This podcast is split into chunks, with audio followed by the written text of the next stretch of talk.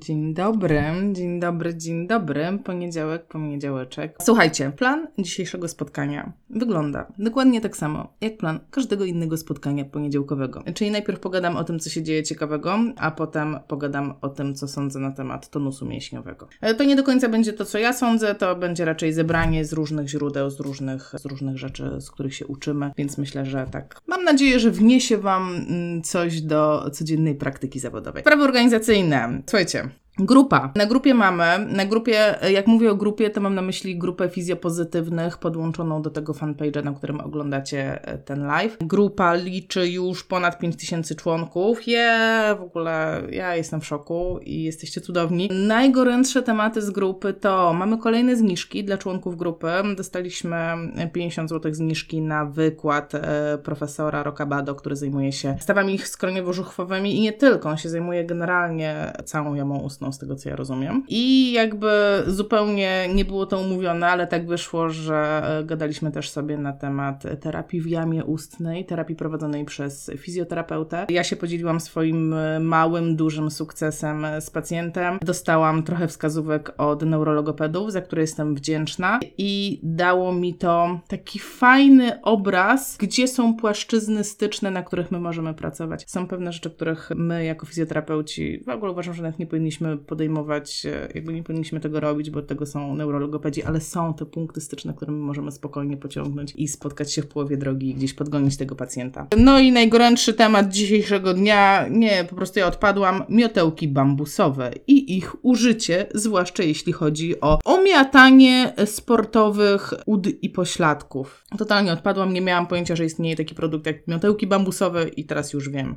I jestem po prostu, no dumna, zadowolona, nie wiem co powiedzieć. Takich rzeczy, o których w sumie nigdy tutaj nie mówiłam, nie pomyślałam jakoś o tym. Chciałam Was zaprosić, od, chciałam Was zaprosić do mnie na Instagrama. Chciałam Was e, zaprosić, żebyście dołączyli do mnie na Instagramie, ponieważ na Instagramie codziennie dzieją się różne rzeczy. Może nie są to takie live'y jak tutaj, ale codziennie są jakieś wrzuty, codziennie się coś pojawia. Ostatnio rozsmakowałam się w organizowaniu quizów dla Was. Ostatni quiz był w temacie bólu. Naszym pacjentem był pomidor i po prostu tak to zostawię. Quiz jest za, w zapisanych relacjach, spokojnie można sobie go obejrzeć jeszcze raz. Ja na Instagramie nazywam się fizjopozytywna. Bardzo łatwo mnie znaleźć, nie jest to żaden problem, wszędzie mam podlinkowanego. A dlaczego Was zapraszam? Ponieważ Instagram traktuje mnie jak kompletną lamerkę, e, nie pozwala mi umieszczać żadnych linków dla Was w relacjach, nie pozwala jakby poszerzyć tych swoich możliwości, ponieważ mam zbyt mało obserwatorów i niniejszym to będzie taki mój krok, żeby zmienić e, tę sytuację. Z tego samego powodu chciałam też Was zaprosić zaprosić na listę mailingową. Ja już Wam mówiłam w zeszłym tygodniu o liście mailingowej. Ja Wam wkleję teraz linka, to jestem już przygotowana, poszedł link. Ponieważ to, że jesteście na liście mailingowej, troszeczkę uniezależnia nas od Facebooka i Instagrama. Ostatnie wydarzenia na Facebooku, ostatnie rzeczy Wy tego nie odczuwacie, przypuszczam, ale jak się prowadzi fanpage, czy prowadzi się grupę dyskusyjną, to administrator takiej grupy wszystkie rzeczy, które Facebook sobie wymyśli, zaczyna zbierać, czyli coś przestaje działać. Nagle nie można, nie nie wiem, skasować postu, który jest, e, nie wiem, na przykład reklamą albo jest postem złośliwym. Nie masz wpływu nagle na to, co się na tej grupie dzieje. Co więcej, Facebook ma takie prawo, że może zamknąć fanpage, zamknąć grupę w każdej chwili. I no jakby uważam, że zbudowaliśmy tutaj coś tak fajnego, że szkoda by było i gdyby tak się wydarzyło, to jak będę miała chociaż trochę osób na liście mailingowej, to ja będę w stanie Was poinformować, słuchajcie, ruszył nowy fanpage, coś się wydarzyło, ponieważ tak jest z kontami na Facebooku, że ono nigdy, nigdy nie należy do Was. I jeżeli prowadzicie jakieś fanpage, czy na przykład prowadzicie fanpage swoich, na przykład praktyk fizjoterapeutycznych, reklamujecie się, używacie tego w celach biznesowych, to musicie pamiętać, że zawsze, zawsze te osoby, które będą tam zgromadzone, one tak naprawdę nie, nie są Waszymi osobami, tylko tylko Facebook tym zarządza. Więc warto zawsze mieć taką, taką odrębną listę osób, żeby się z nimi kontaktować. Więc tutaj już macie linka. Dzisiejszy temat to tonus mięśniowy zwany inaczej napięciem mięśniowym. I generalnie, jeżeli się szuka w literaturze, przygląda się książki, czy przygląda się internet, to można znaleźć wiele różnych definicji napięcia mięśniowego, ale ta, która się mm, powtarza najczęściej, a zasadniczo są dwie takie, które się powtarzają najczęściej, no to będzie jedna taka, że jest to taki stały opór mięśnia na pasywne rozciąganie. Czyli zakładamy, że bierzemy jakąś część ciała w rękę, poruszamy nią i w jakimś tam stopniu odczuwamy stały opór przeciwko temu ruchowi. I jakby komplementarną definicją do tego jest definicja, że napięcie mięśniowe to jest taki stały, minimalny skurcz mięśnia. No i właśnie ten skurcz mięśnia ma nam dawać ten opór. I zasadniczo na tym się zamyka taka klasyczna definicja napięcia i no i tyle. No i tak, Aśka, no to cóż by mówić więcej, tak, albo może być za wysokie, albo za niskie i kończ life'a. Tylko, że to nie do końca jest tak. Znaczy może inaczej. To trochę jest tak, ale chciałabym dodać Wam parę cegiełek do tego, co tam jeszcze jest. Przede wszystkim zastanówmy się, co potrzeba człowiekowi, który jest w pozycji, tak jak ja teraz załóżmy siedzę sobie w pozycji totalnie rozluźnionej, jestem balansowana, ani się nie wychylam do przodu, ani się nie wychylam do tyłu, po prostu siedzę i wszystko jest ok. To co ja potrzebuję tak naprawdę w kontekście mojego napięcia mięśniowego? Ja potrzebuję mieć tyle tego napięcia, żeby przeciwdziałać sile grawitacji, czyli żeby nie rozpaść się, nie, nie, nie paść gdzieś tam, gdzieś tam z krzesła. Potrzebuję być w gotowości do ruchu, bo się ruszam, ale kiedy skończy mi się koncepcja na moje ruszanie się, to ja potrzebuję mieć możliwość wrócić z powrotem do tej mojej pozycji rozluźnionej, neutralnej. Teraz z czym to się je? Ja zawsze tak sobie, taką sobie definicję stworzyłam na własne potrzeby i jej używam, kiedy się uczymy na szkoleniach, że napięcie mięśniowe powinno być na tyle duże, żeby właśnie zorganizować mnie przeciwko sile grawitacji, ale równocześnie powinno być na tyle małe, żeby pozwolić mi na dokładnie takie ruchy, jak ja sobie wymyślę. To jest moja wola, robię sobie dokładnie to, co chcę, ale nie zapadam się. Ale ta definicja daje mi tylko obraz na temat ilości tego napięcia, a nie mówi mi nic o tym, no ale skąd to napięcie się w ogóle wzięło. No tutaj dochodzimy do bardzo ciekawej rzeczy, bo to nie jest tak, znaczy może inaczej, tak do końca, to żeby było jasne, tak? Do końca to my nie wiemy, jak jest w 100%, więc mamy wiele różnych teorii i część z tych teorii ja dzisiaj będę Wam starała się przekazać. Co mamy? Taka ciekawostka na temat napięcia spoczynkowego. Jeżeli pozostaje w pozycji neutralnej, tak jak ja teraz siedzę, mogłaby to być nawet pozycja stojąca. Jeżeli pozostaje w takiej neutralnej pozycji, to uwaga, gdyby mnie podłączyć do EMG, czyli elektromiografii, która by zbierała ładunki elektryczne, które wytwarzają moje pracujące mięśnie, to to EMG prawdopodobnie byłoby ciche. Czyli jesteśmy w stanie, może inaczej, bo to nie wszyscy, ale generalnie, część ludzi jest w stanie stać i mieć ciche EMG. I były badania robione na, te, na, ten temat, i do tego stopnia niektórzy mają tą umiejętność, że są w stanie stać, poruszać się w minimalny sposób i równocześnie mieć ciche EMG. I każdy z nas, bo tak naprawdę można by się przyczepić do definicji, tak? Aśka, przecież to nie jest tak, że jak stoisz, to stoisz bez ruchu. Mówi się o czymś takim, że jest taka dynamiczna równowaga, czyli tak naprawdę nawet stojąc czy siedząc, to my cały czas poszukujemy tej równowagi, cały czas balansujemy. Do tego dochodzą ruchy wdech, wydech, wdech, wydech i do tego dochodzi też bicie serca. To są wszystko ruchy. Może nie zauważamy ich, ale one tam cały czas są. I pomimo tych ruchów, pomimo tej dynamicznej równowagi, zrobiono badania, gdzie badano e, mięśnie łydki u pacjentów, nie u pacjentów, u ochotników, którzy stali. Pomimo tych wychylań, pomimo tej pracy, tam wciąż było cicho w EMG, jeśli chodzi o mięśnie łydki. Czyli no to napięcie to jest coś więcej niż minimalny skurcz mięśniowy obecny cały czas, bo minimalny skurcz mięśniowy pokazałby się w zapisie EMG. A tak nie jest, a przynajmniej nie u wszystkich. Czyli wynika z tego, że po prostu mamy to coś więcej. No i co to jest? Nie trudno się domyślić, ponieważ już mówiłam o tej koncepcji. Pojawiło się to już w jakimś kiedyś live'ie, kiedy byłam podekscytowana po powrocie z kursu z Beverly Cusick. Zresztą będą kolejne te szkolenia i też mam zamiar tam być w roli tłumacza, co prawda nie cały czas, ale jednak liczę na to, że znowu, znowu ta wiedza gdzieś tam wybuchnie i jeszcze bardziej poszerzy się perspektywa patrzenia na pacjenta, bo to o to chodzi, żebyśmy mieli tak naprawdę szerszą perspektywę patrzenia na pacjenta. No więc skoro tam jest coś więcej, no to co to jest? Prawdopodobnie będą to struktury, które są w jakimś stopniu bierne. No więc mamy powięź, która jest w dużym stopniu y, bierną strukturą i mamy również więzadła, kości, cały ten aparat bierny ruchu. Więc to są takie dwie rzeczy. Ale trzecia, która jest bardzo interesująca i która prawdopodobnie, nie mówię, że tak jest na pewno, ale może tak być, że odpowiada właśnie za te ciche MG i za kontrolę tych minimalnych to jest aktywna część powięzi, czyli ta, po, ta część powięzi, która ma zdolność do kurczenia się. I tak, są takie komórki w obrębie powięzi, które mają zdolność kurczenia się, ponieważ zawierają w sobie aktynę i te komórki nazywają się miofibroblasty. Taka długa nazwa, można sobie poczytać. Nie ma tak za dużo, powiem Wam, tak po prostu jak się wklepie miofibroblasty, to tak nie ma za dużo na ten temat w internetach, ale naprawdę jak ktoś troszeczkę głębiej pokopie, to jest to spokojnie do znalezienia, nawet w języku polskim. Czyli mamy ten taki szeroko rozumiany aparat bierny, który nie do końca jest bierny ponieważ potrafi reagować na, że tak powiem, potrzeby systemu. I jeżeli Was interesuje, jaka to jest siła, ile, bo, bo, ktoś to zmierzył, ile, ile jakby mamy tej siły reakcji w kontekście tworzenia napięcia posturalnego, tej napięcia, no nie chcę teraz, już nie mogę użyć słowa napięcia mięśniowego, tego tonusu, tak to nazwijmy, przeciwko sile grawitacji, to jest około 1% maksymalnego dowolnego skurczu mięśniowego, czyli to jest tak naprawdę bardzo niedużo siły. Ale jak widać wystarczająco, do tego, żeby utrzymać się przeciwko sile grawitacji, żeby utrzymać to podstawowe napięcie. No i to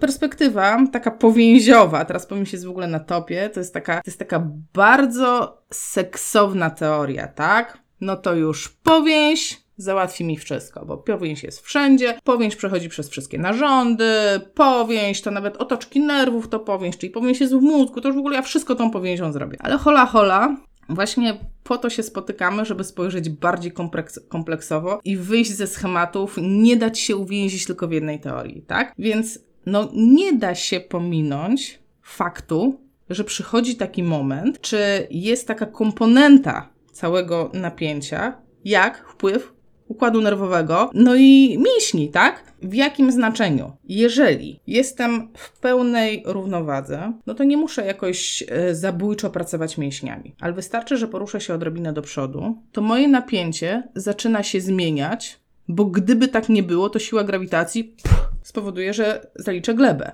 Więc musi zwiększać się napięcie moich mięśni, mięśni w tym wypadku, i to jest ta różnica, które pozwalają mi utrzymać się przeciwko sile grawitacji. To jest zależność, która ściśle wiąże się z siłą grawitacji. Ja już mówiłam kiedyś o tym, taki był live, gdzie ja mówiłam, jak wykorzystać e, neurofizjologię, kinezjologię i biomechanikę w praktyce terapeuty. I to jest dokładnie to, bo to e, tak naprawdę masę, masę rzeczy my wiemy, bo były podane na studiach, tylko jakoś tak kto by się tam przyjmował? Kinezjologia, please, bitch, please. Kto by się tym, kto by w ogóle to pamiętał? A tymczasem taka prosta rzecz. Jeżeli zmieniam, to jest pozycja zrównoważona mojego grudka, ale jeżeli zmienię chociażby tylko to, w jaki sposób mam wysunięte ręce, no to jak nic nie zrobię, to on wyrżnie. Więc gdyby był żywym stworzeniem, byłoby super tak w ogóle, bo to mój ulubiony bohater, to musiałby mieć z tyłu jakiejś struktury, którego przed tym wywróceniem się utrzymają.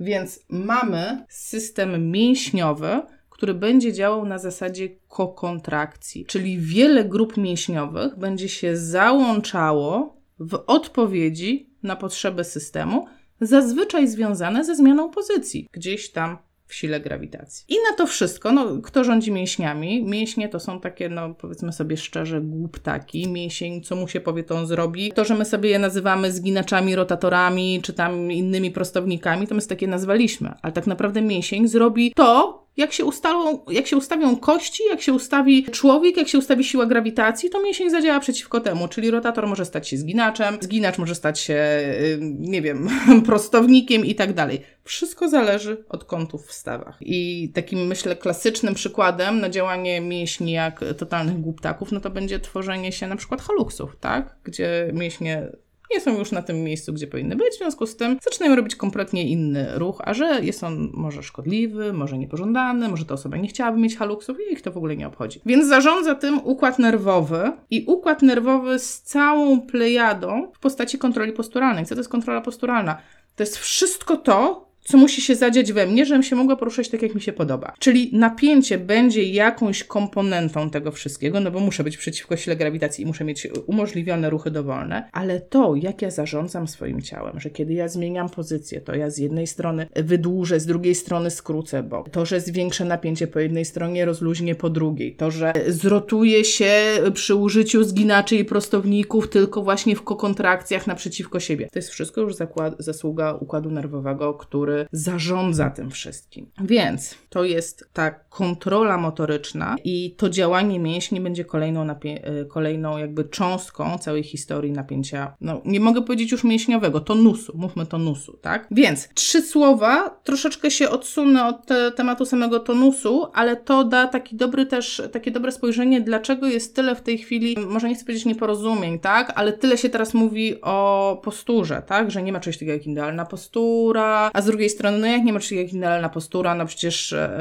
jesteśmy w stanie rozróżnić osoby, które mają fatalną posturę, zwłaszcza dzieci, e, albo dzieci ze skoliozami, no co, to one mają naturalną posturę? No wiadomo, że nie mają. I dlatego to jest na tyle skomplikowane, bo tak naprawdę dla każdego ta pozycja neutralna, kiedy ja jestem w tej równowadze pod kątem sile grawitacji, pod kątem siły grawitacji i nie muszę w związku z tym używać kokontrakcji, bo jestem tylko na biernych mechanizmach e, mojej, mojego tonusu, dla każdego to będzie inna pozycja tak naprawdę. I na tej zresztą, na, tej, na tym założeniu, na tej filozofii bazowała Ida Rolf, konstruując swoją teorię, teraz nazywają ją Rolfingiem.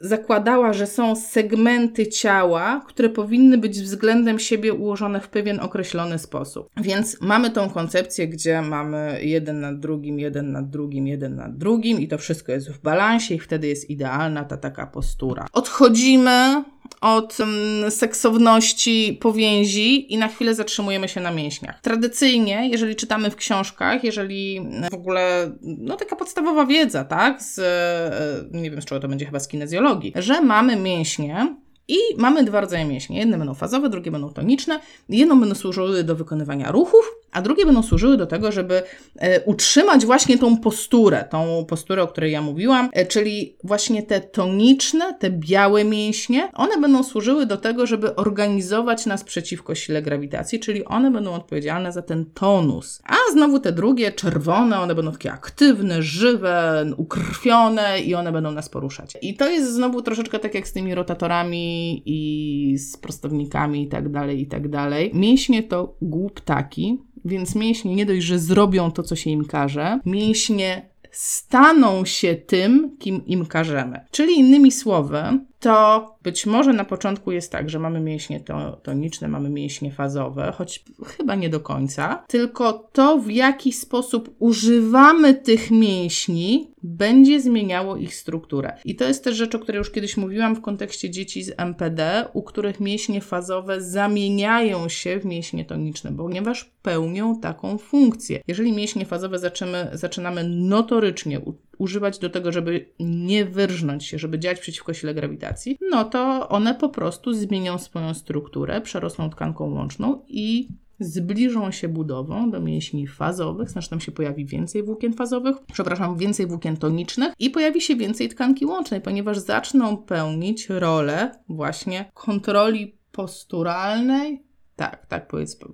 antygrawitacyjne. I o ile w książkach możemy znaleźć, które mięśnie są, fazowe, które są toniczne, to kiedy już dochodzi do patologii, kiedy mamy pacjenta, który jest spastyczny, który długo pozostaje w patologicznych wzorcach, to u niego te mięśnie wcale nie są takie jak w książkach, one są po prostu przebudowane. No bo funkcja rządzi strukturą. I jeżeli mamy pacjenta, który długo, długo, długo, długo pozostaje w takiej funkcji, kiedy na przykład, nie wiem, mięsień piersiowy u osoby po udarze, służy do kontroli tułowia, służy do stabilizacji tułowia, albo łydki u dzieci z MPD służą jako mięsień anty, antygrawitacyjny, bo dzieci z MPD cały czas są pochylone do przodu, tak? One cały czas tak jakby gonią swoją grawitację, więc u nich cały czas tylna strona uda pracuje w formie mięśni antygrawitacyjnych, to te mięśnie zaczynają się przybudowywać. I spotkałam się z teorią, że żeby odwrócić taki proces, to musi to trwać e, tyle, ile się robiło. Czyli jeżeli 10 lat funkcjonuje w takim wzorcu, to pewnie 10 lat będę próbowała to odwrócić, robiąc inne aktywności mięśnia. Takie, które bym chciała, żeby on robił w tym wypadku, żeby przeszedł z tonicznego w fazowi. No i dlaczego Wam o tym mówię? Dlaczego, e, dlaczego w ogóle zrobiłam ten live? Ponieważ uważam, że jeżeli zaczniemy analizować tak naprawdę każdego pacjenta, nie tylko neurologicznego, znaczy, że ja tak nie, nie szczególnie dzisiaj w neurologię chciałam wchodzić, generalnie każdego i zastanowimy się, jaki on ma problem w kontekście napięcia. Jeżeli oczywiście ma problem z napięciem, tak? I podzielimy sobie od razu w głowie. Ciu, która to komponenta. Czy to jest komponenta mięśnie mózg, czy to jest komponenta powięź i wszystko co bierne, co on ma zaburzone, co mu się przebudowało, co się zmieniło jedno w drugie, to tak naprawdę dużo łatwiej będzie nam wybrać formę terapii, bo to, na co zadziała powięziówka, no to pewnie będzie powięź, a to, na co zadziałają ćwiczenia, no to pewnie będą mięśnie, a to, na co zadziała ekstremalnie duża liczba powtórzeń w setkach, no to pewnie będzie ośrodkowy układ nerwowy. Więc w łatwy sposób mogę sobie to podzielić i celować moją terapię. Więc e, taki moje, mój message na dzisiaj jest, e, żeby celować terapię i żeby traktować napięcie mięśniowe szerzej niż mięśniowe, żeby traktować to jako tonus i żeby traktować to jako część i bierną, i czynną, i w zależności od danej sytuacji, czyli w zależności od tego, gdzie ten nasz pacjent ma problem, to w ten sposób prowadzić terapię. Ok, jestem dzisiaj ultra turbo szybka. Pewnie po tym, jak po zeszłym tygodniu syn mi w, po prostu rzucił w twarz, że godzinę siedziałam z wami, a on biedny musiał być cicho. Także tyle na dziś. Bawcie się dobrze wieczorową porą. Liczę na to, że w komentarzach coś mi napiszecie, y, jakie jest Wasze zdanie na temat napięcia i jak Wy do tego podchodzicie, bo niekoniecznie wszyscy muszą się zgadzać ze mną ja to rozumiem. No i mam nadzieję, że w przyszłym tygodniu już nie będzie żadnych zaburzeń w transmisji. Ściskam Was.